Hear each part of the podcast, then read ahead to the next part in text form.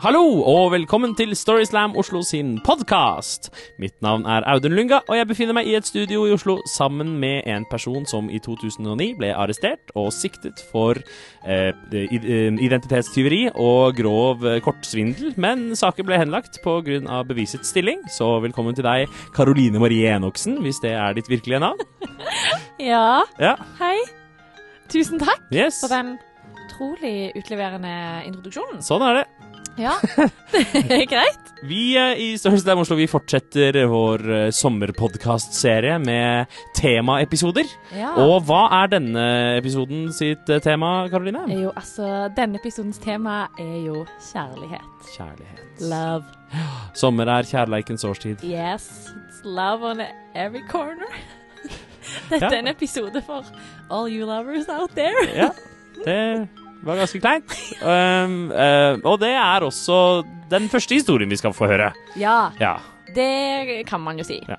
Eh, men det som er viktig å vite om vår første forteller, Emil Vattum Bjørnstad, det er det at han har ikke bare briljert med sin fortellerkunst på scenen. Nei. Han har nemlig òg fortalt i finalen på Norske Talenter. Ja. Eh, ja. Så han har brakt uh, fortellerkunsten til riksdekkende TV. Ja. Det tenker jeg bare er et bevis på at fortellerkunst er hot. Ja, det er mer enn vi har fått til. ja, det er sant. Her er fortellingen til Emil Vattum Bjørnstad. Jeg skal fortelle historien om jakten på mitt første kyss. Og den jakten den starta ganske tidlig. Eh, da jeg gikk på barneskolen, eh, i hvert eneste friminutt mellom første og fjerde klasse, så kom Anniken og Katrine opp til meg og spurte Jeg spør deg, jeg spør deg, jeg spør deg, samtidig. Jeg var i utgangspunktet kun ute etter mitt første kyss. Trekant ble litt for mye. Eh, og jeg var veldig forelska i Anniken. Men måtte, jeg måtte da høflig takke nei pga. Katrine, så da gikk jeg i fire år uten å få utnytta min kjærlighet eller min forelskelse overfor Anniken, og fikk aldri kyssa. Men på slutten av barneskolen da fikk jeg min første kjæreste. Ann-Kristin. Ann-Kristin og jeg vi var veldig gode venner, og vi hoppa på trampolinen nesten hver dag. Og etter å ha hoppa på trampolinen en stund, så skjønte begge to at det her var litt mer enn bare uskyldig trampolinehopping. Vi hadde kommet såpass langt at vi skjønte at det her var ekte, ekte følelser. da. Så vi, vi ble kjærester. Eh, men i det sekundet jeg og Ann-Kristin blir kjærester, så, så, skjer det et eller annet med meg. Eh, jeg er liksom i en rolle som er som jeg er kjent med. Da. Så jeg, jeg, blir ganske, jeg, blir ganske, stum. Jeg klarer ikke å snakke med Ann-Kristin. Jeg hadde hørt at kjærlighet gjør blind, men at det gjorde stum, det var nytt for meg. Men det var også på den tiden da jeg fikk min første mobiltelefon. Endelig hadde jeg funnet mitt medium jeg og Kristin vi eh, ble å kommunisere stort sett over tekstmelding. Eh, så etter fem måneder eh, da skulle jeg og Ann-Kristin på vår første fest sammen. Ann-Kristin vi hadde vært sammen i fem måneder, hadde egentlig ikke snakka sammen. og Hadde selvfølgelig da ikke kyssa. vi skulle på klassefest til Marius, i kjelleren til Marius. vi satte oss ned i den grønne hjørnesofaen til Marius og satt der ganske lenge. Jeg med en litt sånn stiv arm rundt Ann-Kristin. Hun med et litt sånn rart, stivt blikk ned i bakken. Eh, og der og da tenkte jeg bare Shit, det her er ekte kjærlighet, ass. men, eh, men, etter litt da, så gikk Ann-Kristin eh, opp på toalettet, tok med seg noen jenter, og jeg tenkte at shit, nå skjer det. Eh, nå tar hun med seg noen jenter inn på badet. Skal bare ta på noen sånn deiligere pomade sånn at det blir skikkelig digg å kysse og sånn. Eh, og så kom hun til å bare sende melding om at eh, nå er kysten klar. Nå har jeg kicka jentene ut av, av badet. Nå kan du komme. Eh, og så fikk jeg den meldingen, da, og så, så åpna jeg meldinga. Der sto det eh, Jeg vet ikke helt hvordan jeg skal si det, eh, men jeg slår opp. Og da husker jeg at jeg gikk opp den trappa, som hadde da blitt evig, evig lang. Eh, jeg jeg uh, lukka opp døra litt forsiktig, eh, så gikk jeg ut og hjem, og så gråt jeg meg i søvn. Eh, men det gjorde jeg stort sett hver kveld, så det gikk bra men jeg gikk da etter den fadesen med mobiltelefon. Mobiltelefonen skulle bli min redning. Det ble ikke min redning. Det ble avslag på grønn skjerm. Og jeg, etter den fadesen da, så gikk jeg ukyssa gjennom hele 8. og 9. klasse. Men så, i 10. klasse, etter å ha analysert litt, så, så, skjønte jeg at jeg gjorde et eller annet feil. Så jeg og mamma vi bestemte oss for å dra til utlandet. Vi dro til eh, Egypt. For i Egypt, på charterferie, så var det da mulig for lille meg å sjarmere noen. Og det tok vel ikke mer enn at jeg hadde satt foten innafor døra på, eh, på hotellet da jeg så min Kleopatra. Kristina fra Drammen. Kristina fra Drammen hun var år eldre enn meg. Hun, hun var veldig veldig, veldig utvikla. Eh, som ikke jeg var. Jeg var veldig ung sånn rent fysisk. Eh, jeg hadde regulering. Jeg hadde ganske kviste, ekkel hud. Eh, litt smålubben ja, og ganske blek. Eh, Kristina hun, hun, tok brunfarge ganske godt. så hun sola seg stort sett hver eneste dag i den regnbuefarga bikinien sin. jeg husker det ganske godt. Så jeg tenkte at shit, Emil, her må du jobbe hardt. Og jeg jobba hardt i syv lange uh, netter og syv lange dager i Egypt. Så kjempet jeg en nesten uvinnelig kamp. Helt fram til siste, siste dagen. Noen få timer før avreise så sier Kristina du skal ikke bli med ned på stranda og sole deg litt, da? Jo, det kunne jeg godt gjøre. Jeg ble med da Kristian ned på stranda. Eh, jeg hadde egentlig fått mer enn nok sol. Eh, jeg tok ikke eh, brunfarge like godt som Kristina. Så jeg bare la meg ned på solsenga mi med hettegenser og bukse. Hun kledde av seg, og jeg lukta egentlig ganske mye yoghurt. Mamma pleide å smøre med yoghurt når jeg ble solbrent. Så om det var en kjempesjarmerende fyr som, som, lå der, det tviler jeg på. og så var jeg veldig sjenert.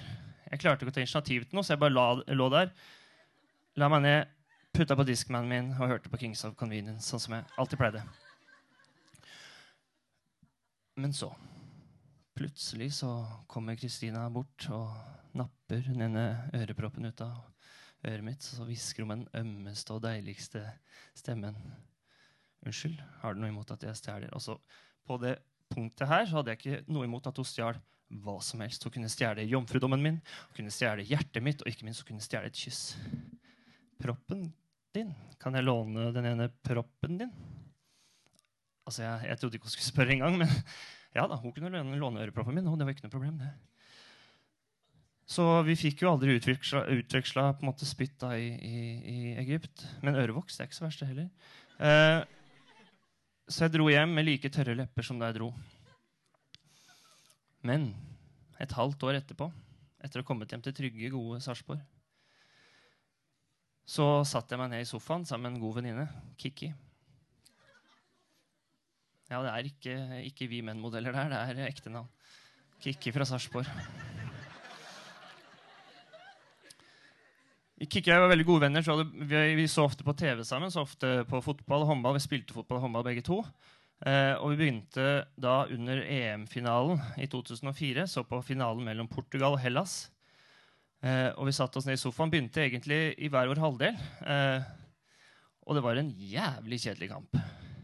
Men selv om det var litt eh, dårlig spenning i kampen, så lå det en litt sånn rar spenning i lufta. Så i løpet av første omgang så glei vi på en måte bare nærmere og nærmere og nærmere hverandre før dommeren da blåste av for pause. Og jeg kjente at shit, nå begynner innbytterpulsen min å komme. For på det punktet her så satt jeg og ikke helt inntil hverandre. Og hun la en hånd på låret mitt, og jeg tenkte shit, er det nå jeg skal begynne å spille fotball med de store gutta?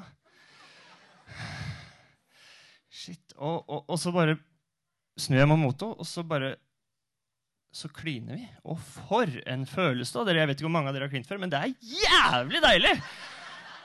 Og vi klina og klina. Jeg ble helt hekta. Eh, altså, Jeg og Kristina hadde begge regulering, så ja, vi hekta faktisk sammen. Uh, sånn som man ser på film. Um, så da etter å ha brukt uh, gode deler av pausa til å komme oss løs fra hverandre, så endte jeg da opp med å ryke strengen på første forsøk. Altså reguleringsstrengen røk. Så da fikk jeg hull i leppa og begynte å blø litt. Men man blør ofte første gangen, har jeg hørt. Så uh, ja. Men altså jeg, jeg, jeg, brøy meg egentlig ikke om det blodet. Jeg, jeg hadde kyssa for første gang. Endelig så hadde på en måte forsvar blitt det beste angrep. Lille meg hadde vunnet. 1-0 til meg, 1-0 til Hellas. Takk for kampen, Kikki. Og takk for meg.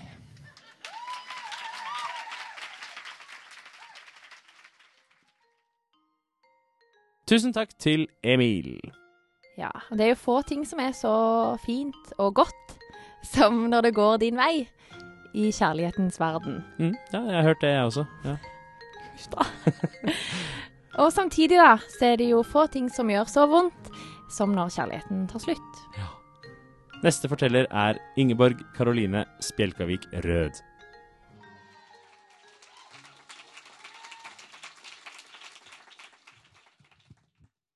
Jeg er et følelsesmenneske. Jeg er som en unge. Jeg har store, eller går etter de store og rene følelsene. Jeg er glad, så jeg er i ekstase. Jeg er sur, så jeg er forbanna. Jeg er lei meg, så jeg er utrøstelig. Og jeg er forelska. Da er det alt jeg er. Der er ikke plass til mer. Og jeg begynte å forelske meg tidlig. Jeg kunne krysse første kyss og første kjæreste allerede tidlig på barneskolen. Men mot ungdomsskolen så fikk jeg en sånn bråstopp. Ikke i forelskelser. De kom i fleng, og de kom hardt. Men jeg var liksom blitt såpass sjenert at, at jeg torde ikke gjøre noe med det. Jeg husker f.eks. i 9. klasse. Daniel. Min store forelskelse. Han gikk i 8. klasse, men det gjorde ikke meg noen ting. Jeg var så forelska, men jeg tålte ikke se i hans retning engang for lenge for å avsløre hva jeg egentlig følte. Så eh, jeg satte i gang en falsk spørreundersøkelse. Jeg printa den ut på ark. Jeg leverte ut til alle på skolen. Det vil si at hele Revheim skole måtte svare på spørsmål som Ja vel, er du forelska om dagen? Og hvis ja, forelska altså ti-hi, er hun slash han yngre eller eldre enn deg? Og hvis du er forelska, er, er, er, første bokstav i navnet på han slash hun Hva er det? Jeg samla de inn. Dette var ikke noen anonym spørreundersøkelse. Og nei, det var ikke snakk om. Samla de inn, bladde meg fram til Daniel sin, kasta resten, ga blankt faen i de. Begynte å lese. Å ja, han var forelska om dagen. Jeg fikk blodsmak i kjeften. Å ja, hun var faen meg eldre. Altså, Fram til nå så stemte alt. Jeg gikk i niende, han gikk i åttende. Dette måtte jo være det. Det måtte jo være den. Første bokstav i navnet. M. Faen.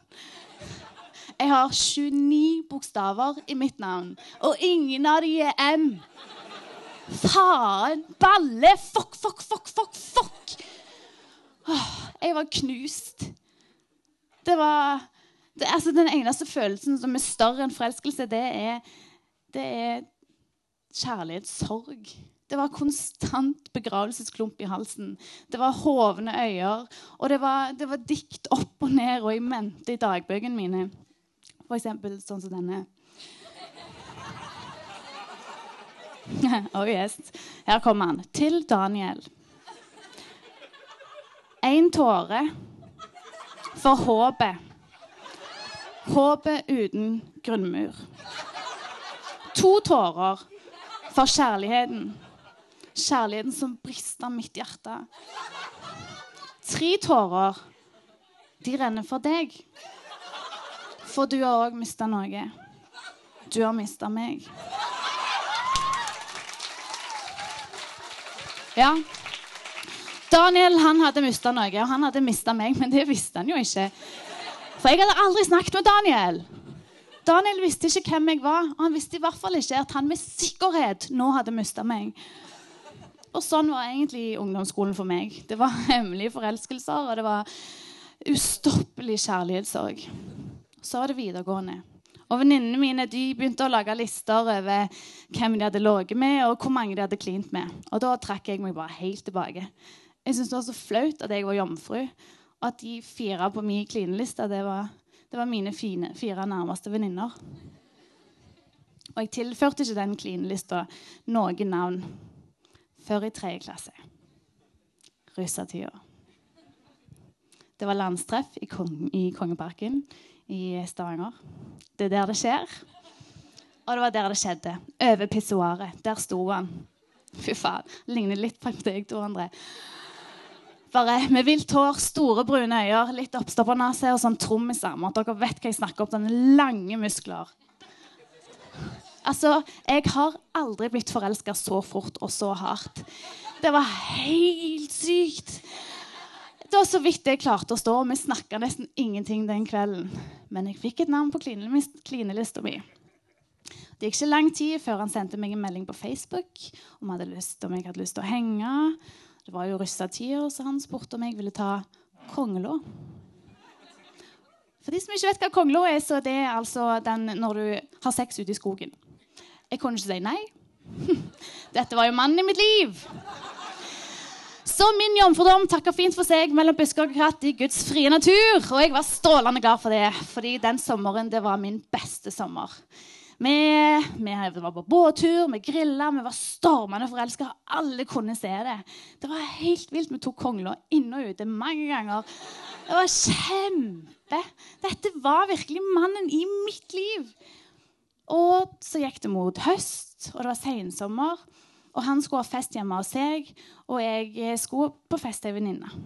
Når jeg la meg den kvelden, så, så, hadde jeg en sånn klump i magen. Visste ikke hva det var.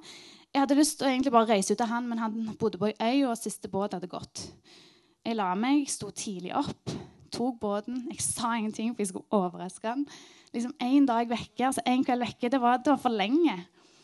Jeg satte meg på båten, jeg gikk opp til huset, tok nøkkelen, låste opp døra, lista meg over stuegulvet, åpna døra, og der lå han. Det var ennå varmt, så varmt at han lå naken oppå dyna. Og ved siden av han så lå Maria òg, og hun òg var naken. Det var ikke så kult å være følelsesmenneske akkurat da. Jeg visste ikke hvor jeg skulle gjøre meg. Jeg hadde bare sett dette her på film. Jeg sprang inn på do, stappet fingrene i halsen, prøvde å spy. skjedde ikke noe. Jeg hadde ikke lyst til å spy. Jeg skrek, heiv tallerkener, prøvde å gjøre det som var rett. Men jeg fikk det ikke til. Jeg satte meg på båten og så meg aldri tilbake. Og jeg trodde jeg hadde mista alle følelsene mine. Det var blikkstille.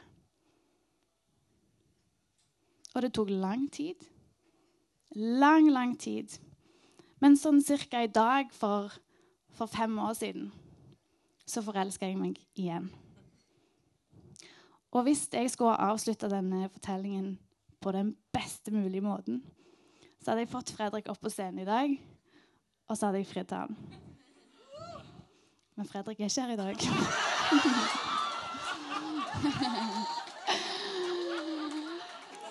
så og forresten så har jeg lovt Fredrik at jeg ikke skal fri til han, for han vet at jeg er et følelsesmenneske. Så jeg hadde gjort det første gangen vi så The Notebook, eller første gangen han holdt rundt meg, eller et eller annet første gangen jeg hadde gjort det for dritlenge siden. Så da får jeg bare avslutte sånn som dette. Takk for meg.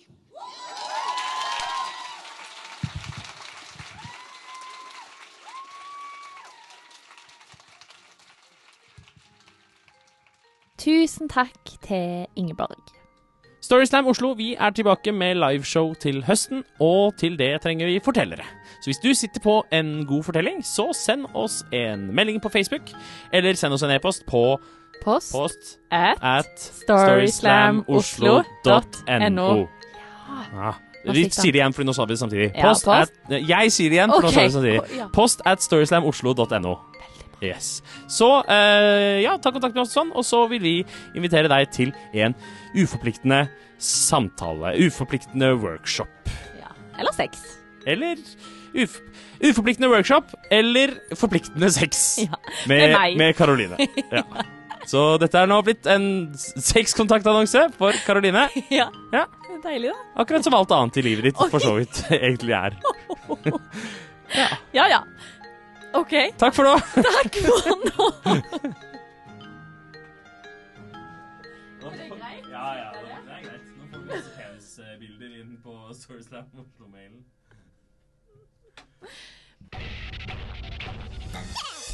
Monster.